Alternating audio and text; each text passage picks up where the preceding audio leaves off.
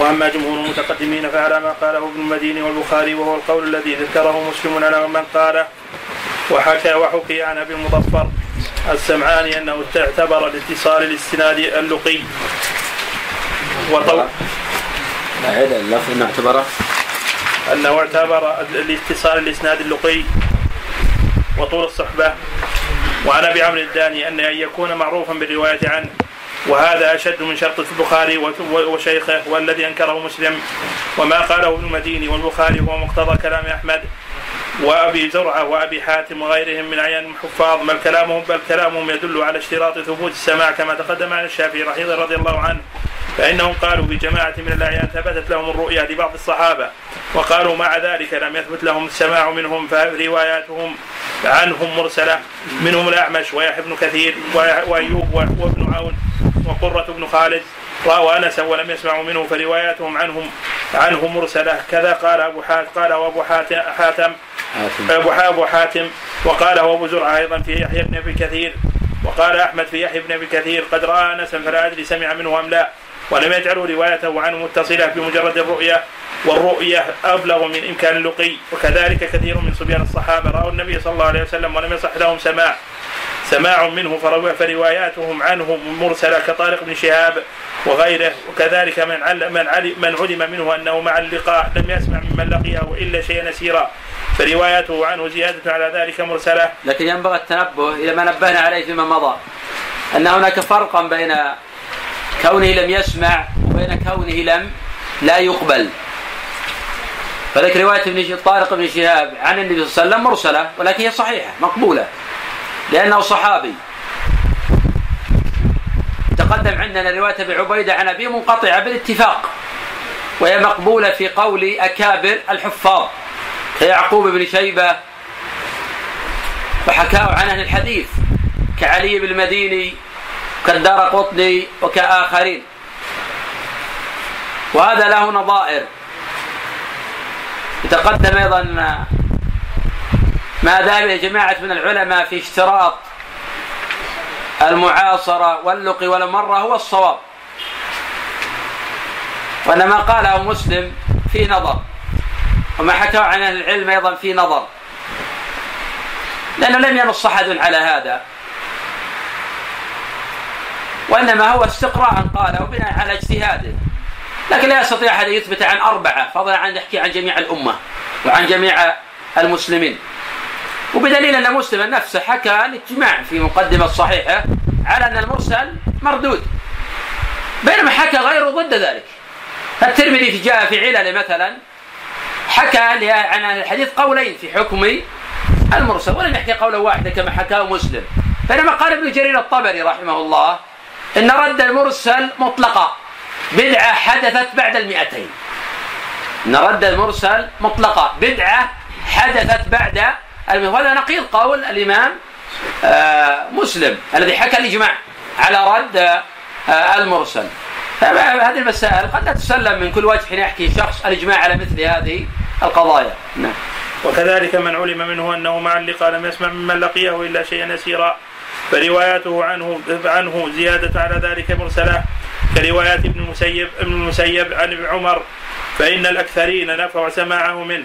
وأثبت أحمد أنه رأى أنه راه وسمع منه وقال مع ذلك إن رواياته عنه مرسلة لأنه إنما سمع منه شيء يسيرا. تقدم عندنا أن سعيد بن المسيب سمع في الجملة من عمر رضي الله عنه. وسعيد ولد سنة خمسة عشرة وعمر رضي الله عنه قتل سنة ثلاث وعشرين فأدرك من حياته ثمان سنين وهو لم يسمع كل شيء وإنما سمع بعضا ذلك إنه سمع عمر يقول حين راى الكعبه اللهم أنت السلام حينا ربنا بالسلام. وسمعه وهو يخطب. فألحق ما لم يسمع بما سمع. ولذلك مراسيل سعيد عن عمر صحيحة. نعم. وإنما سمع إنما سمع منه شيئا يسيرا مثل يعني مثل نعيه أن النعمان بن المنذر ابن مقرن ابن مقرن. قال على المنبر ونحو ذلك. وكذلك سماع الحسن من من عثمان وهو على المنبر يأمر بقتل الكلاب ودفع الحمام. لكن الصواب أن الحسن لم يسمع من عثمان إلا هذا الأثر فقط.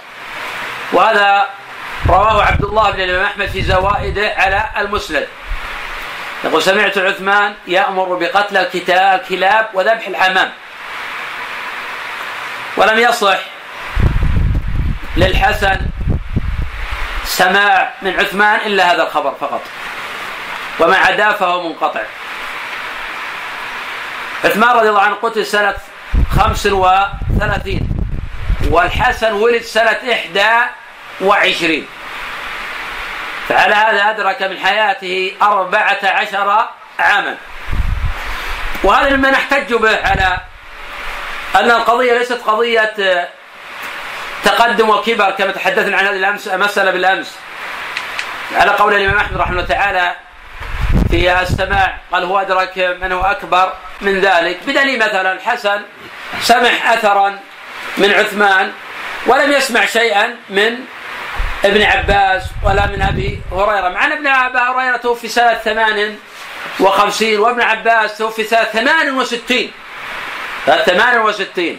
فعلى قاعدة اللي بالأمس نقول إذا كان سمع من عثمان قد قتل سنة 35 فكيف لا يسمع ممن مات سنة 68 وهذه القاعدة في نظر كما تحدثت عنها بالأمس شرحتها ببعض الأمثلة.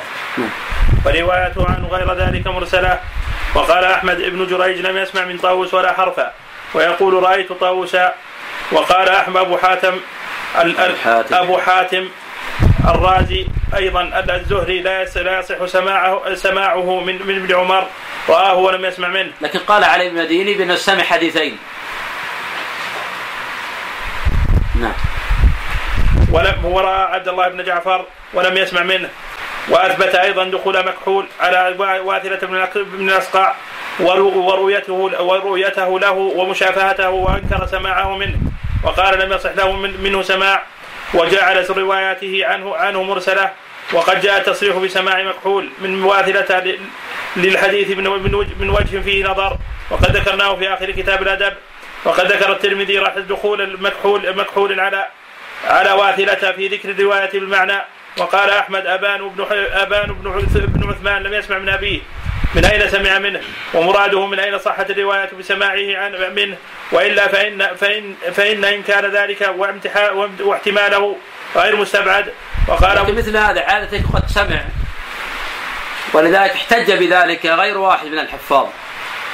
ومروية أبان عن أبيه ثابتة في الصحاح.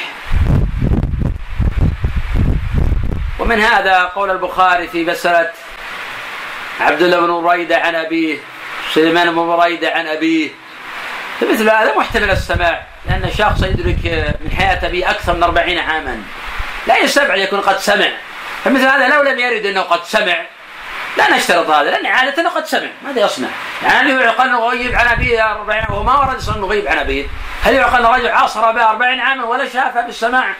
هذا بعيد كل البعد. فلذلك سمع عبد الله بن بريدة عن أبيه سمع سليمان بن بريدة عن أبيه هذا ثابت. وقال أبو زرعة فيحمل قول من قال أنه لم يسمع على أنه لم يثبت عن النص بأنه يقول سمعت. نعم. وقال أبو زرعة في أبي أمامة بن بن سهل بن حنيف لم يسمع من عمر فهذا مع أن أبا أمامة رأى النبي صلى الله عليه وسلم. نعم لأنه ولد قيل في وقت الصلح. وأبو أمامة ليس هو صدي بن عجلان إنما هذا أبو أمامة بن سهل بن حنيف. نعم هو صحابي صغير. نعم. فدل كلام أحمد وأبي زرعة وأبي حاتم وأبي حاتم على أن الاتصال لا يثبت إلا بثبوت التصريح بالسماع. وهذا أضيق من قول ابن المديني والبخاري فإن المحكي عنهما أن أن أنه يعتبر أحد أحد أمرين إما السماع وإما اللقاء وإما اللقاء. وهو أحمد ومن تبعه عندهم لا بد من ثبوت السماع. ويدل على أن هذا مرادهم أن أن أحمد قال ابن سيرين لم يجي عنه سماع سماع من ابن عباس. وقال أبو أبو حاتم, أبو حاتم الزهري أدرك أبان بن عثمان ومن هو أكبر منه ولكن لا يثبت له السماع. لكن ليست القضية نعم ابن سيرين مثلا نعم ما ثبت عنه السماع عن ابن عباس لكن ثبت عنه السماع صحيح وهو في الصحيحين عن أبي هريرة. هذا ما نحتج به أيضا لقضية الأمس. أن إذا أدرك من توفي قبل ذلك لا يعني أدرك من توفي بعد ذلك. وابن سيرين ولد سنة بضع وعشرين لكن توفي هو الحسن البصري في عام واحد سنة كم؟ نعم. ابن سيرين والحسن البصري وجرير والفرزدق. توفوا في عام واحد. 110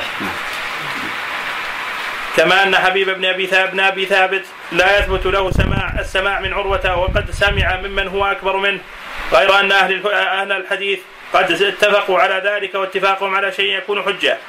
واعتبار السماع أيضا اتصال الحديث هو الذي ذكره ابن عبد البر. وقد حكى وقد حكاه عن العلماء وقوة وقوة كلامهم. تشعر بأنه إجماع منهم وقد تقدم أنه قول الشافعي أيضا. وحكى البرديجي قولين في ثبوت السماع بمجرد اللقاء.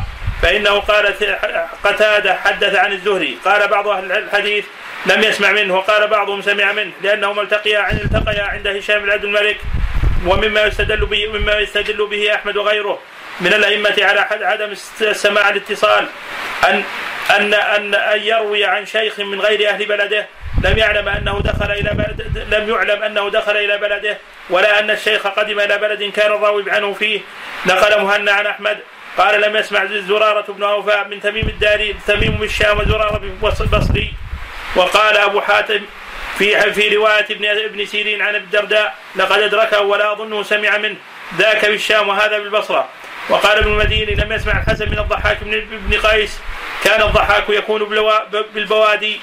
وقال الدار قطني لا يثبت سماع سعيد بن المسيب من أبي الدرداء لأنهما لم يلتقيا ومراده أنه لم يثبت التقاهما لا أنه ثبت انتفاؤه لأن نفيه لم يرد في رواية قط فإن كان الثقة يروي عن من عاصره أحيانا. ولم يثبت لقيه له ثم يدخل أحيانا بينه وبينه ثم يدخل أحيانا بينه وبينه واسطة. فهذا يستدل يستدل به هؤلاء الأئمة على عدم السماع منه. قال أحمد البه... أحمد البهي ما أرى ما أراه سمع من من عائشة إنما يروي عن عروة عن عائشة. نعم وحديث صحيحه عبد الله البهي ثقة لكن لم يسمع من عائشة شيئا. وإنما يروي عن عروة بن الزبير عن قال وفي حديث زائدة عن عن السدي عن البهي قال حدثتني عائشة. قال وكان ابن مهدي سمعه من زائدة وكان يدع منه حدثتني عائشة ينكره. وكان أحمد يستنكر دخول التحديث في كثير من الأسانيد ويقول هو خطأ يعني ذكر السماع. قال في رواية هدبة عن حماد عن قتادة حدثنا خلاد الجهني وهو خطأ خلاد قديم ما رأى قتادة خلاد ما رأى قتادة قتادة قتادة خلادة. وذكروا لأحمد. أيضا مرويات حماد بن سلمة عن قتادة فيها نظر. تقدم الحديث عن ذلك وسيأتي إن شاء الله زدة بحث في أصحاب قتادة. إن شاء الله سنقسم أصحاب قتادة إلى ثلاثة أقسام. قسم الثقات وأوثق الناس في قتادة ثلاثة سعيد بن أبي عروبة وهشام الدستواي وشعبة هؤلاء الثلاثة. منهم من أدخل معهم همام بن يحيى ومنهم من جعل همام بن يحيى مرتبة ثانية كابان بن يزيد العطار وأبي عوانة وهذه الطبقة. والطبقة الثالثة طبقة حماد بن سلمة وأمثال هؤلاء اللي يسمون شيوخا. في قتادة في حديث نظر وقتادة يضطرب. حماد بن سلمة يضطرب في أحاديث قتادة. وبهذا نعل لفظة حديث في حديث كنا لا نعد لا نعد الكدرة والصهر بعد الطهر شيئا. لفظة بعد الطهر شاذة لأن من رواية حماد بن سلمة عن قتادة. والحديث في البخاري بلفظ كنا لا نعد الكدرة. والصفرة شيئا. الرواية بعد الطهر هي عند أبي داود والدارمي وجماعة. وذكروا لأحمد قول من قال عن عراك بن شوف قول مسلم أن فائدة مسلم في أصل قوله قول أنه هل يفهم منه أن يعني يفهم من الإجماع أنه يقول الأصل أنه مردود لكن قد يقبل. على عبارة مسلم هذه. يعني ما نقول هو حتى الإجماع حتى حتى هذا. حتى هذا في خلاف. حتى هذا في خلاف. الإمام أحمد لما يرد قال سمعت وحدثتني عائشة ونحو هذا الكلام. فلا يحمل على حسن المخالفة وقال سمعت ما يحمل على هذا الشيء. تصريح مثلا الحسن. عن عثمان. هذا يختلف. لا يمكن حمله على هذا لأن الحسن البصري ذاك كان في المدينة. إذا كان أقصد يعني يذكر بعض الرواة فقال سمعت. الخطأ وارد لكن في هذا الإسناد كان ثابتا عند أهل العلم صححوه. الخطأ وارد بلا شك لكنه ما ورد خطأ من الطبيعي الإنسان يسمع مثل هذا يعني ألفاظ يسيرة غير متعلقة بحكم فقهي دقيق. من الطبيعي حتى الصبي يسمع يقول اقتلوا الكلاب اقتلوا كذا يفهم ويتقن ويضبط أما مسألة فقهية تكون دقيقة ونحو ذلك. لا يمكن أن يفقهها مثل لا رضع بعد حولين في قضية المرأة عن امرأة. تقدم شرح هذا أن معلول ما قال بعض لفظ يسير لكن لفظ يسير فقهي. دقيق. عادة ما ما يلقي له الصغير بالا. إذا قلنا معلول بالانقطاع لأجل الصغر كما عله أبو محمد بن حزم دافع عن ذلك ابن القيم وجماعة فقلنا أنه يختلف هذا عن هذا. يعني بعض يقول هذا لفظ دقيق يحفظ كل شخص. هذا غير دقيق هذا الكلام لأن اللفظ الدقيق اللي يحفظ الصغير إذا كان يتعلق بأمور آه، عملية مثل بصق في وجهه آه، الماء. مثل يقول ضرب فلانا مثل يقول آه، سمعت يذبح أمر بذبح الكلاب. أما مسائل فقهية ولو كانت ألفاظ يسيرة عادة لا يحفظها الصبي ولا يتقنها. وذاك سعيد بن المسيب لما سمع من عمر سمع أشياء عملية. يعني ينعى عن نعمان بن مقرن طبيعي قائد مشهور حتى عند الصغار ينعى أنه مات طبيعي أن الصبي يحفظه. لكن ما سمع السعيد كل شيء من عمر. هذا إسماعيل؟ إسماعيل.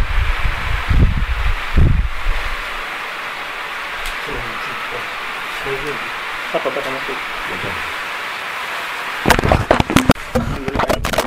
والصلاة والسلام على نبينا محمد وعلى آله وصحبه أجمعين. قال رحمه الله تعالى وذكروا لأحمد قول وذكروا لأحمد قول من قال من عن عراك بن مالك سمعت عائشة فقال هذا خطأ وأنكره وقال عراك من أين سمع من عائشة؟ إنما يروي عن عروة عن عائشة. وكذلك ذكر أبو حاتم أبو حاتم الرازي أن بقية بن الوليد كان يروي عن شيوخ ما لم يسمعه فظل يظن أصحابه أنه سمعه فيروون عنه تلك الأحاديث ويصرحون بسماعه لها من شيوخه ولا يضبطون ذلك وحينئذ ينبغي التفطن لهذه الأمور ولا يغتر بمجرد ولا يغتر ولا يغتر بم ولا يغتر بمجرد ذكر السماع والتحديث بالأسانيد. فقد ذكر ابن المديني أن شعبة وجدوا له غير شيء يذكر فيه الإخبار عن الشيوخ ويكون منقطعا وذكر أحمد أن ابن مهدي حدث بحديث عن بحديث عن هشيم انبانا منصور بن زادان. قال أحمد ولم يسمعه هشيم من منصور. وقال أبو حاتم أبو حاتم في حي حتى هشيم لما روى عن أبي هاشم صرح بالسماع وأنكره الإمام أحمد.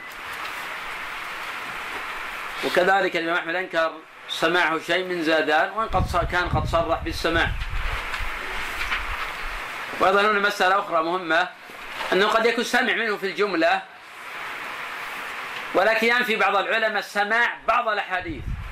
كالزهري عن أنس السماع ثابت. لكن في بعض الأحاديث قد لا يثبت السماع. كحديث يدخل عليكم رجل من أهل الجنة. في قصة عبد الله حين قال لحيت أبي وهي قصة مشهورة ومتداولة خاصة على ألسن الوعاظ والخطباء. فهذا الحديث لم يسمعه الزهري من أنس. وجاء في رواية قال نبئت عن أنس. ومن ثم أعل الإمام الدار قطني رحمه الله تعالى هذا الخبر. لأن الزهري لم يسمعه من أنس. وإن كان قد سمع منه غير شيء. نعم. وقال أبو حاتم في يحيى بن أبي كثير ما ما أراه سمع من عروة بن الزبير لأنه يدخل بينه وبينه رجلا لأنه يدخل. لأنه يدخل بينه وبينه رجلا ورجلين ولا يذكر سماعا ولا رؤية ولا سؤاله عن مسألة سؤاله عن مسألة. وقال أحمد في رواية قتادة عن يحيى بن يعمر لما لا أدري سمع منه أم لا قد روى عنه وقد روى عن, عن رجل عنه. وقال أيضا قتادة لم يسمع من سليمان بن سيار ابن يسار. يا بينهما أبو الخليل ولم يسمع من مجاهد بينهما أبو الخليل. وقال في سماع الزهري من, من, عبد الرحمن بن أزهر قد رآه يعني ولم يسمع منه.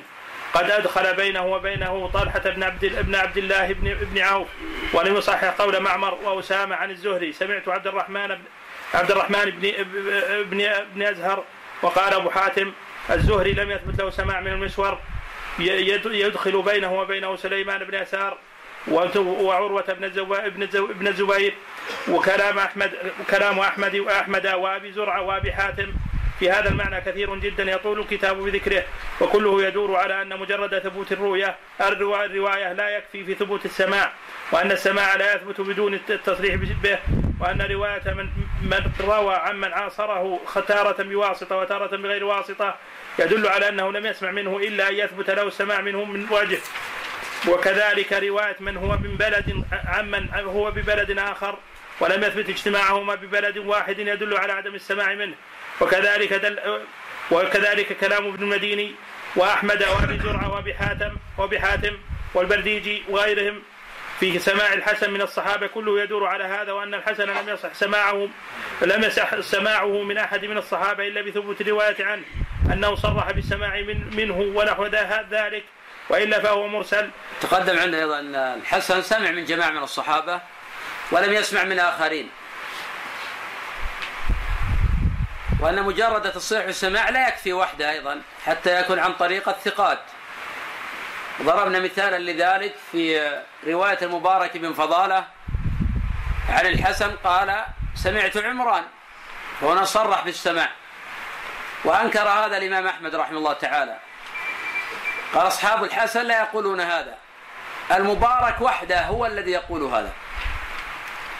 ومن ثم ذهب يحيى بن سعيد القطان ويحيى بن معين وعلي بن المديني وأحمد بن حنبل وآخرون. بأن الحسن لم يسمع من عمران شيئا أبدا وأنه منقطع. وهذا هو الصواب. الحسن لم يسمع من عمران شيئا أبدا. كذلك الحسن لم يسمع من أبي هريرة شيئا أبدا. والحديث الذي وقع عند النسائي قال الحسن حدثنا أبو هريرة أن النبي صلى الله عليه وسلم قال المنتزعات هن المنافقات. هذا خبر معلول. وقد بين علته النسائي رحمه الله. وأن الحسن لم يسمع من أبي هريرة شيئا أبدا. كذلك الحسن عن ابن عباس. لا يصح سماع. وإنما سمع الحسن من أنس وسمع من أبي بكر. نعم. فإذا كان هذا قول هؤلاء الأئمة الأعلام وهم أعلم أهل زمانهم وهم أعلم أهل زمانهم بحديث وعدله وصحيحه وسقيمه مع موافقة البخاري وغيره فكيف كيف يصح لمسلم رحمه الله تعالى دعوى الإجماع على على خلاف قولهم بل اتفاق بل اتفاق هؤلاء بل اتفاق هؤلاء الأئمة على قولهم هذا يقتضي حكاية إجماع الحفاظ المعتد المعتد بهم على على هذا القول وأن القول بخلاف قولهم لا يعرف من عن أحد من نظرائهم. نعم الإمام ابن رجب ينكر قضية الإجماع الذي حكاه مسلم بأن المعاصرة مع إمكان اللقي كافية ولم يصرح بالسماع. وأن ما قاله مسلم غير دقيق. وكان ابن رجب يقول لو حكى الإجماع على خلاف هذا كان هو الصواب. ومع هذا نقول لا إجماع هنا ولا إجماع هنا. بخلاف مسلم ما في إجماع. وبخلاف البخاري وعلي المديني وجماعة من الحفاظ ما هناك إجماع. قد أوردنا فيما مضى عدة أمثلة. من المتعاصرين والذين أمكن لقيهم وأعل ذلك الحفاظ. فهذا الحسن البصري رحمه الله قد ولد سنة إحدى وعشرين. وعاصر جمعا غفيرا في بلده في المدينة وحين ذهب إلى العراق في البصرة بالتحديد أدرك جمعا ولم يثبت لقي وعل ذلك الحفاظ. من ذلك عمران بن حصين بصري وقد توفي سنة اثنتين وخمسين. ولم يسمع منه الحسن. ومن ذلك عراك عن عائشة في انقطاع. عبد الله قتادة عن عبد الله بن بريدة في انقطاع. الهجيمي عن أبي هريرة في حديث ثلاث آية شفعت لصاحبها في انقطاع. سعيد بن أبي هند عن أبي موسى الأشعري.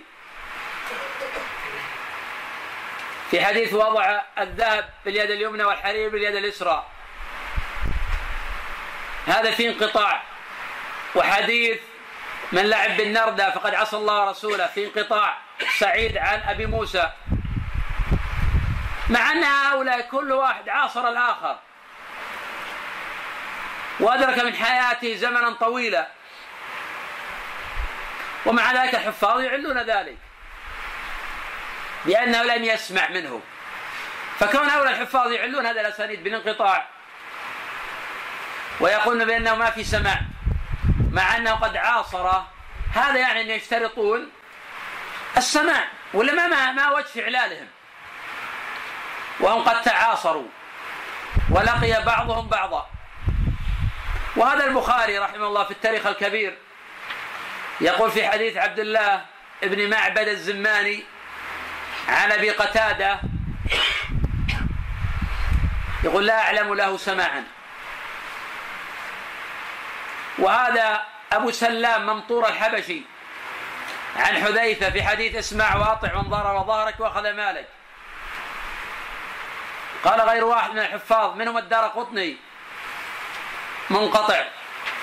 أبو سلام ممطور لم يسمع من حذيفة وإن كان قد عاصره. وهذا الخبر معلول بالانقطاع. وأشار إلى هذا المزي في تهذيب الكمال قال يقال بأنه مرسل. على يكون منقطع.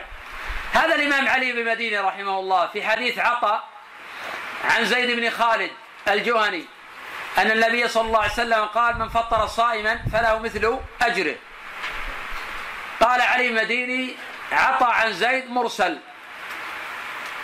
مع أن عطى أدرك زيد بن خالد وعاصره.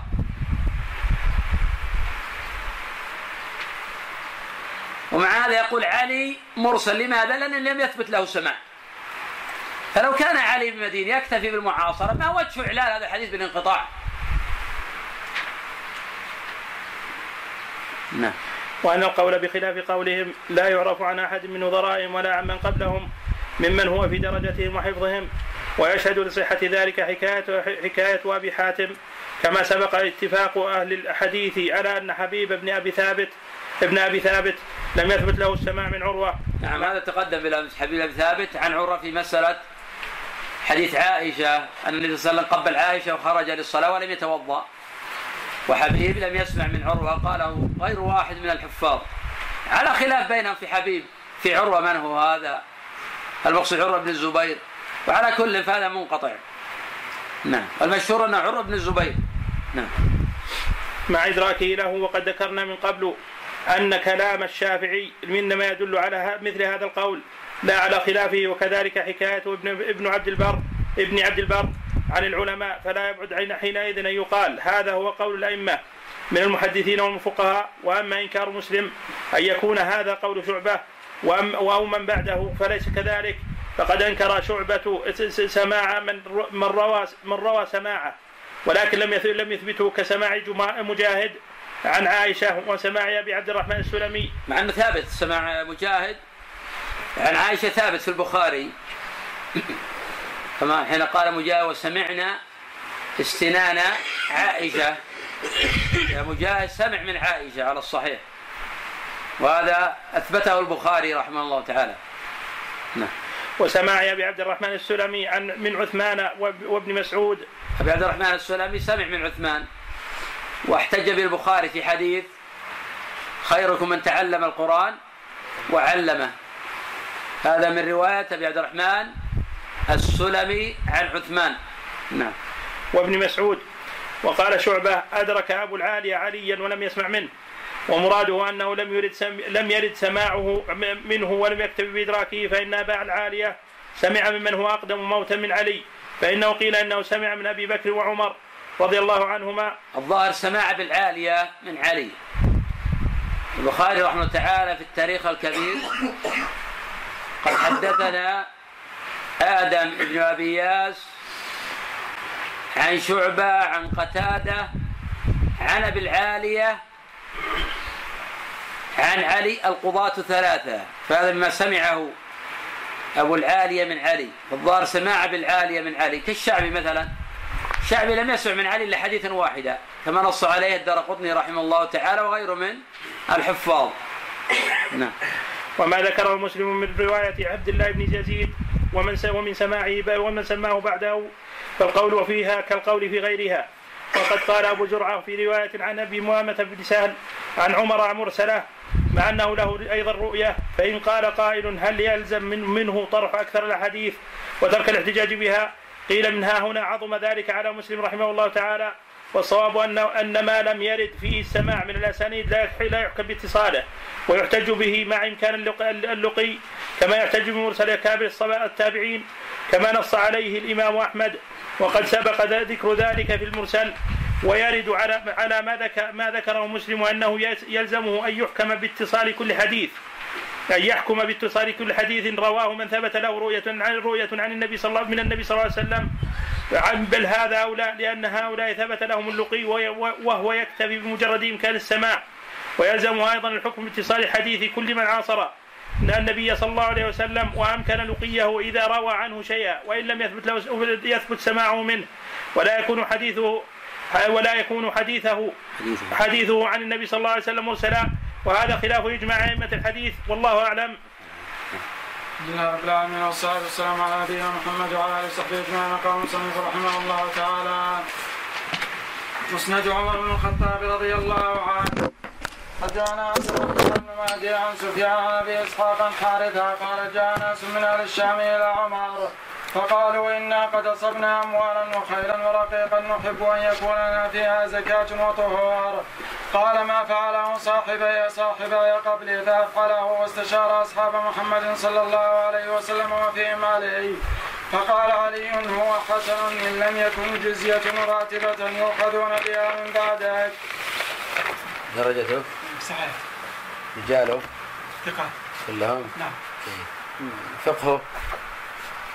فالآن فيها أن الصدقة طهور للمال طيب. فالآن فيها الاتباع.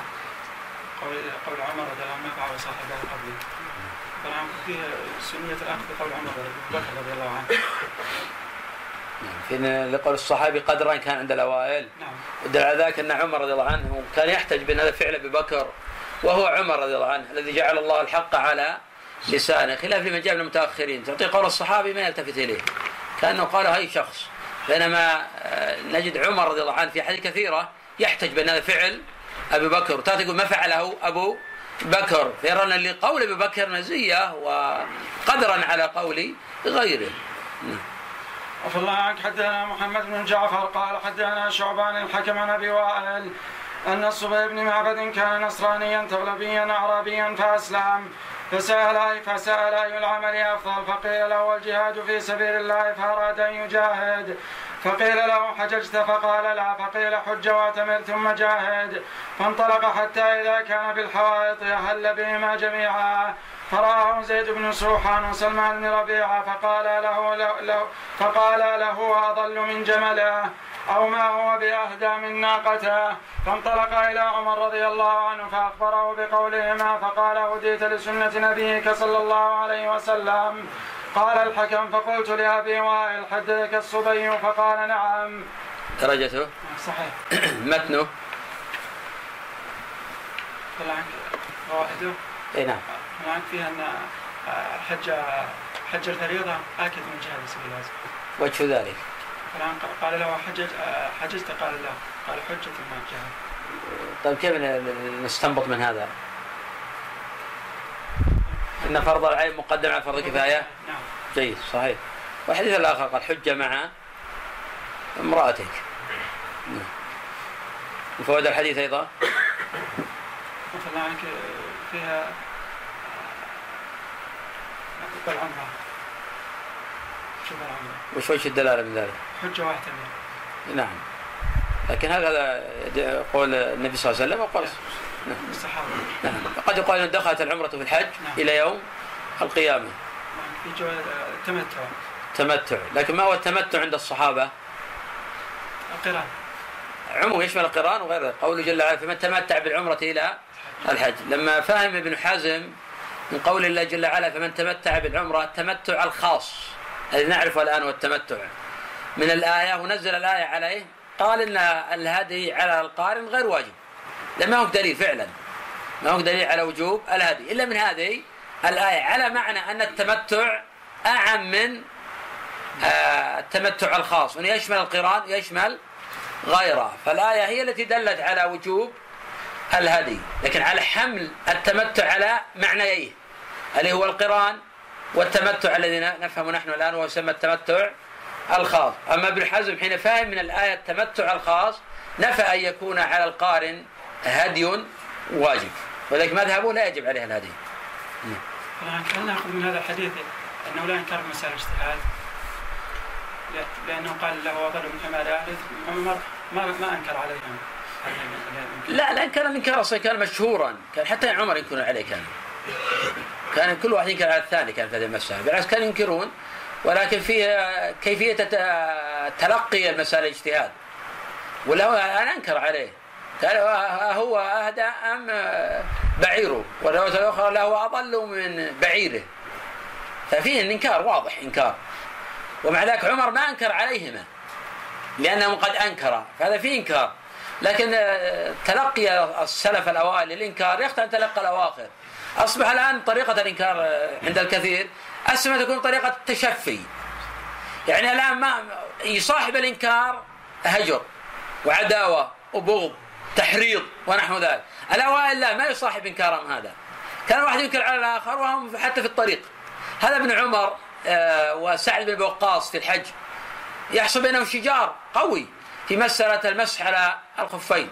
فغضب عليه سعد قال سل أباك فلما رجع سأل آه، عمر قال إذا حدثك شيء عن النبي فصدقه وكان ظاهر منها ما كان بينهم أي شيء من آه، مما يوجد عند المتأخرين.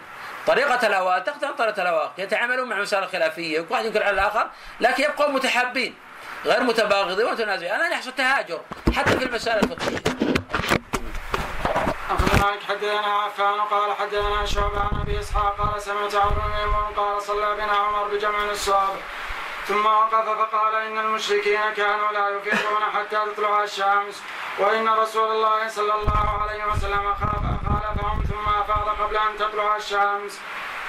درجته صحيح. صحيح. وهو مخرج فيه؟ صحيح. طيب ما ما فقهه؟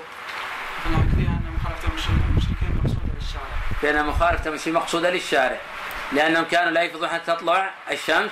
فخالف ابن سلم فأفاض قبل أن تطلع الشمس. ففي دلالة على أن مخالفة المشركين غاية مقصودة للشارع. نعم.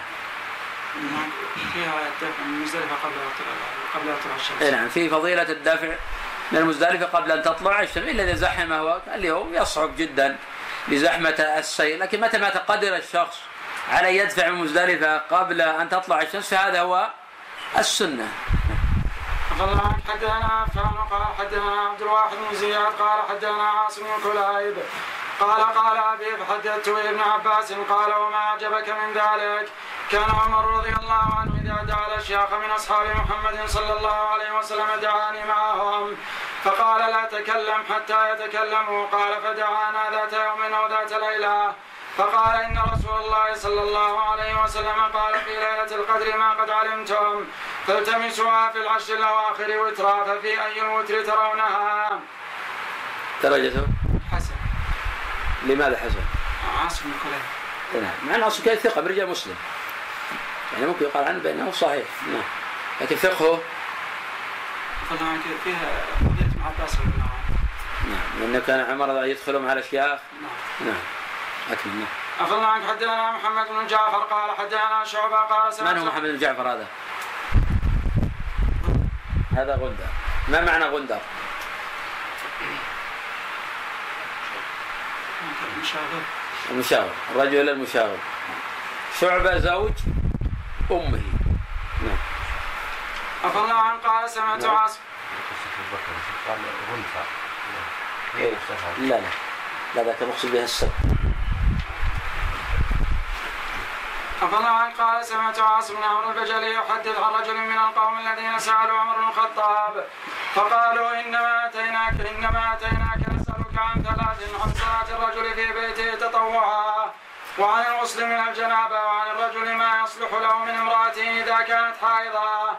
فقال فقال أسحار أنتم لقد سألتموني عن شيء ما سألني عنه أحد منذ سألت عنه رسول الله صلى الله عليه وسلم. فقال صلاة الرجل في بيته تطوعا نور فمن شاء نور بيته. وقال في الغسل من الجنابة يغسل فرجه ثم يتوضأ ثم يفيض على رأسه ثلاثة. وقال في الحائض له ما فوق الإزار. درجته؟ ما هو علته؟ في رجل مبهم. في رجل مبهم. الرجل مبهم هو له بمعنى الجهالة أو له حكم آخر. الإبهام. لا لا حكم آخر. له حكم آخر. نعم. هل ممكن في حالات يقبل المبهم. نعم. ما هي؟ إذا جاء من طريق ثاني مصرح فيه الرجل جيد. طيب هل في حالة ثانية ممكن نقبله؟ لو روى عنه ثقة مثلا هل نقبله؟ لا. ما نقبل. لو عرف الثقة لا يروي إلا عن ثقات.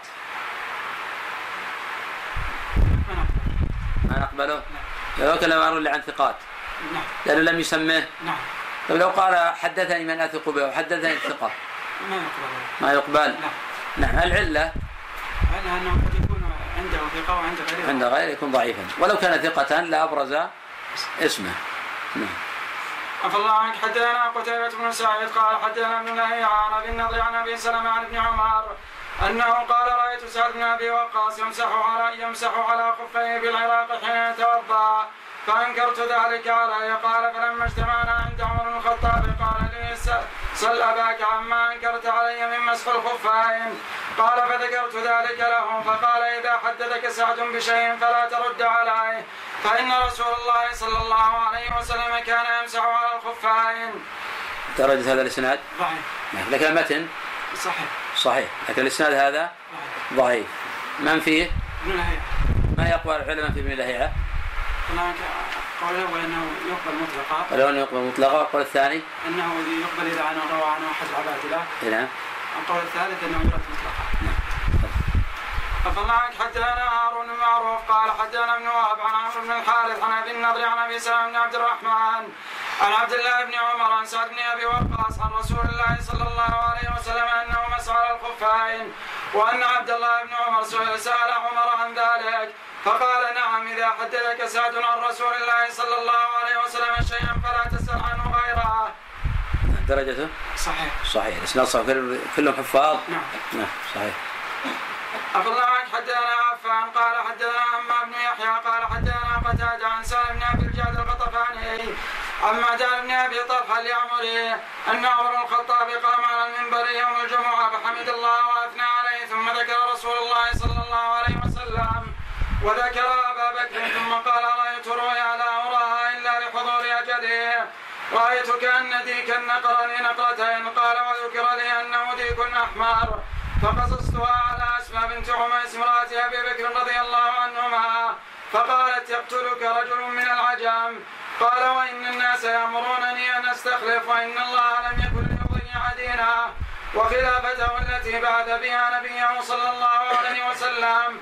وإن يعجل به أمر فإن الشورى في هؤلاء السته الذين مات نبي الله صلى الله عليه وسلم وهو عنهم راض. فمن بايعتم منهم فاسمعوا له وأطيعوا. وإني أعلم أن أناسا سيطعنون في هذا الأمر. أنا- قاتلتهم بيدي هذه على الإسلام. أولئك أعداء الله الكفار الضلال. وايم الله ما أترك فيما عهد إلي ربي فاستغلبني شيئا وايم الله ما اغلب لي نبي الله صلى الله عليه وسلم في شيء منذ صحبته. أشد ما أغلب لي في شأن الكلالة حتى طعن باصبعه في صدره وقال تكفيك آية آية الصائف التي نزلت في آخر سورة النساء. وإني إن أعش فسأقضي فيها بقضاء يعلمه من يقرأ ومن لا يقرأ. وإني أشهد الله على أمراء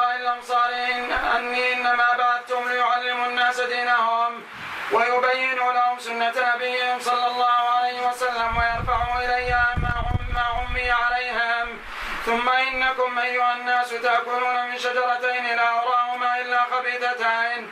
هذا الثوم والبصل. وأيم الله لقد كنت أرى نبي الله صلى الله عليه وسلم يجد ريحهما من الرجل فيأمر به فيؤخذ بيده فيخرج به من المسجد حتى يؤتى به البقيع. فمن أكلهما لا بد فليمتهما طبخا. قال فخطب الناس يوم الجمعة وأصيب يوم الأربعاء. درجته؟ صحيح. صحيح. في فوائد كثيرة. أولا عرف الكلالة. عمر أشكت آيات الكلالة و كان يريد يقضي قضاء ويعلم كل شخص. مع أن أبا بكر قد سبق إلى القضاء بذلك. أبو بكر قضى وما قضى بأبو بكر بكلالة هو الصواب. التي تدل عليها الأدلة من الكتاب ومن السنة. وردت روايات طبعا متعددة. أن عمر قال لابنة حفصة سلي رسول الله صلى الله عليه وسلم. فقال عمر رضي الله فقال النبي صلى الله عليه وسلم لحفصة ما أرى أباك يفهمها. يفهمها. وذلك عمر يقول الله ما أظن يفهمه وقد قال النبي صلى الله عليه وسلم ما قال. هذا الأسانيد مختلف فيها فيها ساقها كلها ابن كثير. لكن ما هي الكلالة التي يموم اللي يشرت على عمر رضي الله عنه؟ هو الشخص الذي ليس له ولا ابن نعم وهذا يدل عليه القرآن في الحقيقة مع اشتهت على عمر. في أن الرجل وإن كان في موضع من العلم والدين ما يلزم يعرف كل شيء. فهذا عمر خفي عليه أمر الكلالة وفهمها ابن عباس وقبل ابن عباس فهمها أبو بكر الصديق. قد نظم ذلك الشاعر إذ يقول يسألونك عن الكلالة هي انقطاع النسل لا محالة لا والد يبقى ولا مولود فانقطع الأبناء والجدود. وهذا هي كلالة. وهذا ظاهر القرآن من ليس له ولد ولا والد أما ما كان عمر يقضي به ينفيها القرآن. يبطل القرآن لأنه قد يسألك عن الكلالة. فبالتالي الكلالة واضحة في آه، القرآن. فلو كانت كلالة يكون له ولد آه، ما كان للأخت شيء في آيات النساء. والله يقول فلها نصف ما ترك ويرثه وإن لم يكن لها ولد. فإن كانتا اثنتين فهذا صريح بأنه ليس له ولد ولا والد لأن الأب يسقط الإخوة من ذكور ومن إناث والابن يسقط الأخوة من ذكور ومن إناث. فحين ترث في هذه الآية البنت الأخت النصف وترث الاثنتان الثلثين. واضح أنه ما هناك والد ولا ولد. وأن هذه هي الكلالة من ليس له والد ولا ولد. نعم. الله عنك حدثنا يعقوب قال حدثنا أبي عن ابن إسحاق قال حدثني نافع مع عبد الله بن عمر عن عبد الله بن عمر. قال خرجت أنا والزبير والمقدار بن الأسود إلى أموالنا بخيبر نتعاهدها فلما قدمنا تفرقنا في أموالنا قال فعودي علي تحت الليل وأنا نائم على فراشي ففتحت يداي من مرفقي فلما أصبحت است... فلما أصبحت أستصرخ علي صاحبي فأتياني صاحباي فأتياني فسألاني عما صنع هذا بك قلت لا أدري قال فأصلح فأصلح من يدي ثم قدموا بي على عمر فقال هذا عمل يهود ثم قام في الناس خطيبا فقال أيها الناس إن رسول الله صلى الله عليه وسلم كان عامل يهود خيبر على أننا نخرجهم إذا شئنا وقد عادوا وقد عادوا على عبد الله بن عمر ففتحوا يديه كما بلغكم مع عدو مع عدوتهم على الأنصار قبله. لا نشك أنهم أصحابهم ليس لنا هناك عدو غيرهم. فلما كف من كان له مال بخيبر فليلحق به فإني مخرج يهود فأخرجهم. درجته؟ صحيح. صحيح. فقهه؟ في عداوة اليهود للمسلمين. نعم. في عداوة اليهود للمسلمين. وفيه أخرج اليهود من جزيرة العرب. في وجوب إخراج اليهود والنصارى من جزيرة العرب. عفى الله عنك حدثنا حسن. كيف هذا؟ نعم. وتعالى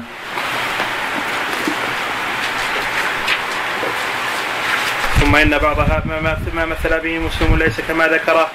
فقوله إن عبد الله بن زيد بن يزيد بن يزيد وقيس بن أبي حازم رويا عن أبي أبي مسعود وأن النعمان بن أبي عياش روى عن أبي سعيد ولم يرد التصريح ولم يرد التصريح بسماعهم منهما ليس كما قال.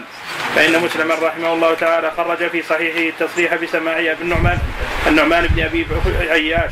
عن أبي سعيد في حديثين في صفة الجنة وفي حديث أنا فرطكم فرطكم على الحوض. وأما سماع عبد الله بن يزيد بن يزيد وقيس بن أبي حازم من أبي مسعود فقد وقع مصرحا به في صحيح البخاري والله أعلم.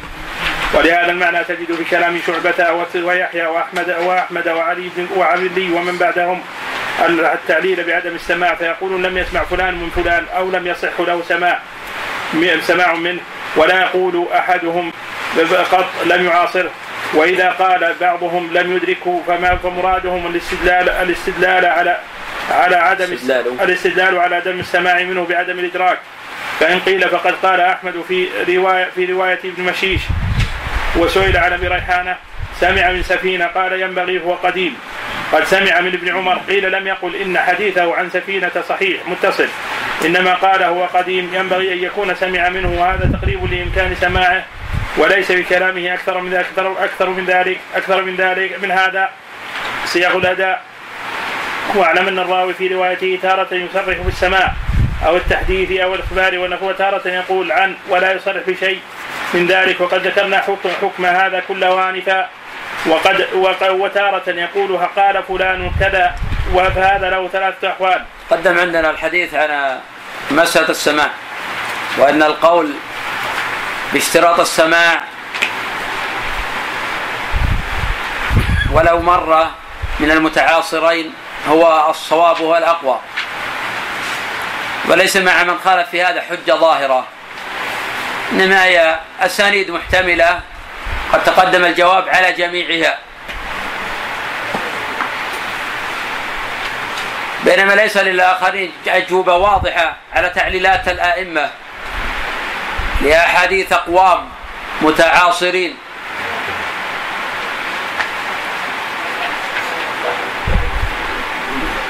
ثم شرع الحافظ رحمه الله تعالى يتحدث على صيغ الأداء.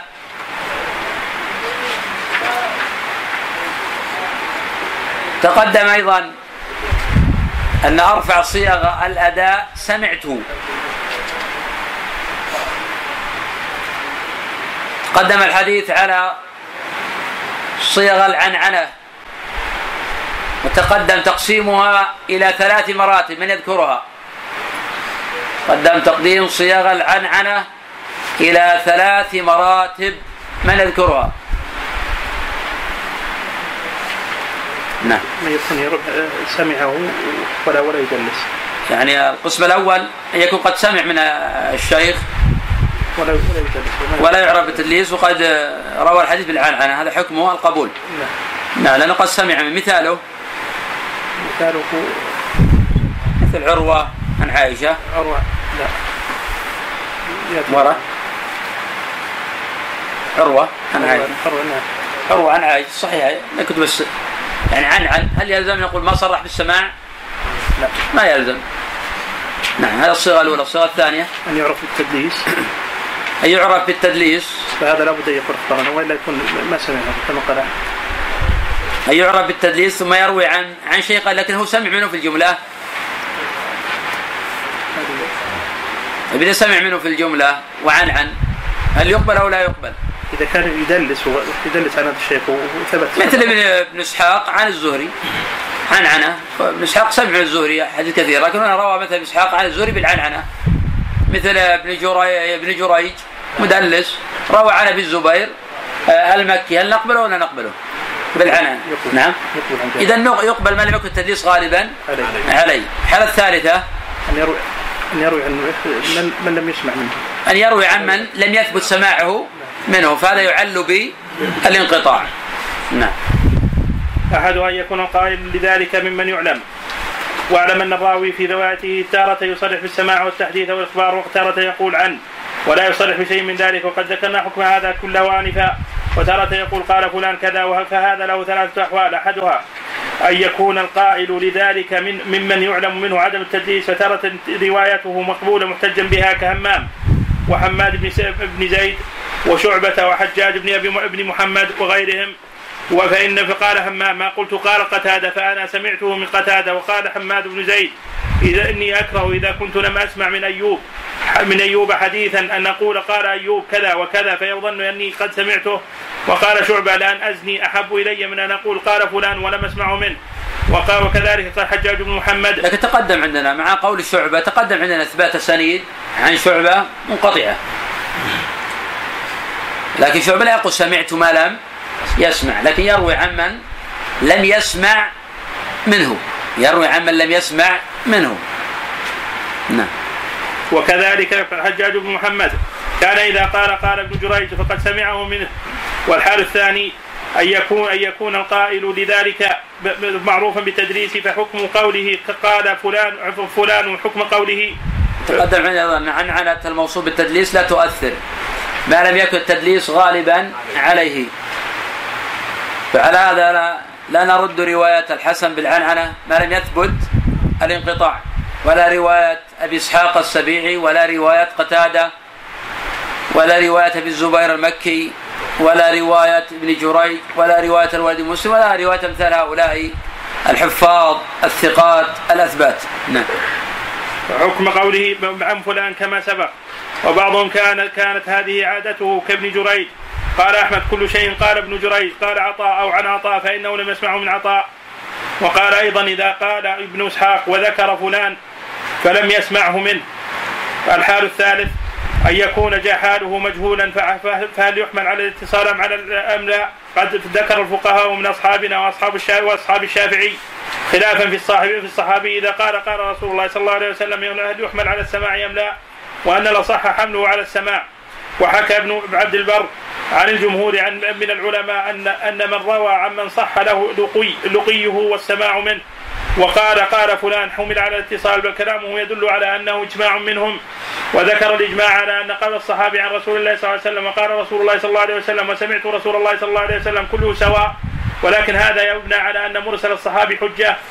وهذا يبنى على أن الأصل أن الصحابي قد لقي النبي صلى الله عليه وسلم لأن إحنا كيف أثبتنا صحبته؟ إلا بلقية لأن تعريف الصحابي ما هو؟ هو من لقي النبي صلى الله عليه وسلم مؤمنا به ومات على ذلك. فعلى هذا إحنا اشترطنا اللقي. كما اشترطنا فيما مضى في السماعات اللقي ولو مرة. فنحمل ما لم يسمع على أنه آه، سمع وأن هذا على الاقل تقديم المراسيل آه، الصحابة. ولكن نقبل المرويات آه، طارق بن شهاب عن النبي صلى الله عليه وسلم. طارق بن شهاب له رؤية كما قال ذاك أبو داود ولكن لم يثبت له سماع. لم يثبت له سماع. فبالتالي نقبل مرويات طارق لأنه صحابي. ويحدث عن النبي صلى الله عليه وسلم. إما مما تلقاه عن الصحابة أو ما هو يقطع نسبته إلى النبي صلى الله عليه وسلم. إذا صح الإسناد إلى طارق بن شهاب ثم آه، قال طارق عن النبي صلى الله عليه وسلم آه، فهذا نقبله كحديث مثلا الجمعة واجبة إلا على أربعة هذا صح الإسناد إلى طارق بن شهاب. فبالتالي نقبل روايته عن النبي صلى الله عليه وسلم. حديث أيضا طارق بن شهاب أفضل الجهاد كلمة حق عند سلطان جائر هذا صح الحديث إلى طارق بن شهاب. فبالتالي نقبل روايته عن النبي صلى الله عليه وسلم. قول قول كل شيء قال ابن جريج قال عطاء عن عطاء فانه لم يسمعه من عطاء. هنا. في تاريخ الخيثم قال عطاء كل ما قلت عن عطاء عن قال ابن جريج كل ما قلت عن عطاء فقد سمع نعم. طبعا هذا قول الإمام أحمد ولا البخاري يحتج. ابن جريج عن عطاء وابن جريج سمع من عطاء بن أبي رباح هذا لا شك فيه. ولكن الكلام في مرويات ابن جريج عن عطاء إنه بعض الأحيان يقصد عطاء الخراساني عطاء الخراساني. فهنا ورد في خلاف في حديث ابن جريج عن عطاء عن ابن عباس في تفسير قول الله جل وعلا قالوا لا تذرن آلهتكم ولا تذرن ودا ولا سواعا. ما المقصود بعطاء آه، هنا هل هو ابن أبي رباح أم عطاء الخرساني البخاري كان يميل إلى انه عطاء بن أبي رباح ومن ثم اورد هذا الحديث في صحيح لكن في آه، تفسير عبد الرزاق المطبوع قال حدثنا معمر عن آه، ابن جريج عن عطاء الخرساني عن عطاء الخرساني ومن ثم أعل الإمام علي بن ديني رحمه تعالى هذا الخبر. لعل في احتمال أورده جماعة من العلماء وهو أن ابن جريج لما كان متخصصا بابن أبي رباح. وإذا أطلق فالمقصود ابن أبي رباح. فيحتمل أن ابن جريج تلقاه من العطائين. وهذا احتمال وارد في علم الحديث. خاصة مع دقة نظر البخاري شفوف معرفته بمثل هذه المسائل. فلعل الظاهر لا أنه روى لكن آه، رواية عبد الرزاق في تفسيره لا تغفل هذه من الفوائد. يعني الشيخ الأصل إنه تحمل على يحمل على إنه عطاء بن ابي رباح هذا جاء- الأصل. الا إذا جاء ما بلا شك. نعم. صحيح. هذا كلام صحيح. نعم. المؤنن وأما قول الراوي أن فلان قال فهل يحمل على الاتصال أم لا؟ فهذا على قسمين. احده أحدهما ان أن يكون ذلك القول المحكي عن عن فلان أو الفعل المحكي عنه بالقول مما يمكن أن يكون الراوي قد شهده. وسمعه منه فهذا حكم حكم قول الراوي قال فلان كذا أو قال فعل فلان كذا على ما سبق ذكره. والقسم الثاني يكون ذلك القول المحكي عن المروي عنه أو الفعل مما لا يمكن أن يكون قد شهده الراوي مثل أن لا يكون قد أدرك زمان زمانه كقول عروة إن عائشة قالت للنبي صلى الله عليه وسلم كذا وكذا فهذا هو مرسل. فهل هو مرسل لعدم الإتيان بما, بما يبين أنه رواه عن عائشة أو ما هو متصل لأن عروة قد عرف بالرواية عن عائشة والظاهر أنه سمع ذلك منها هذا فيه خلاف. قال أبو داود سمعت أبا عبد الله يعني أحمد قال كان مالك زعم أنه يرى عن فلان وأن فلانا سواء. نعم. وذكر أحمد مثل حديث جاب مثل حديث جابر أن سليكا جاء والنبي صلى الله عليه وسلم يخطب عن جابر عن سليك أنه جاء أنه جاء والنبي صلى الله عليه وسلم يخطب. قال وسمعت أحمد يقول قيل له إن رجلا قال عن عروة قالت عائشة. يا رسول الله عن عروة عن عائشة سواء. قال كيف هذا سواء؟ ليس هذا بسواء. فذكر أحمد القسمين اللذين اشرنا إليهما. فأما رواية جابر أن سليكا جاء والنبي صلى الله عليه وسلم يخطب وروايته عن سليك أنه جاء والنبي صلى الله عليه وسلم يخطب فهذا من القسم الأول لأنه يمكن أن يكون جابر جابر, جابر شهد ذلك وحضره ويمكن أن يكون رواه عن سليك. فعله مثل هذا كثير. طبعا الحمد لله رب العالمين والصلاة والسلام على أشرف الأنبياء والمرسلين نبينا محمد وعلى آله وصحبه أجمعين اللهم اغفر لنا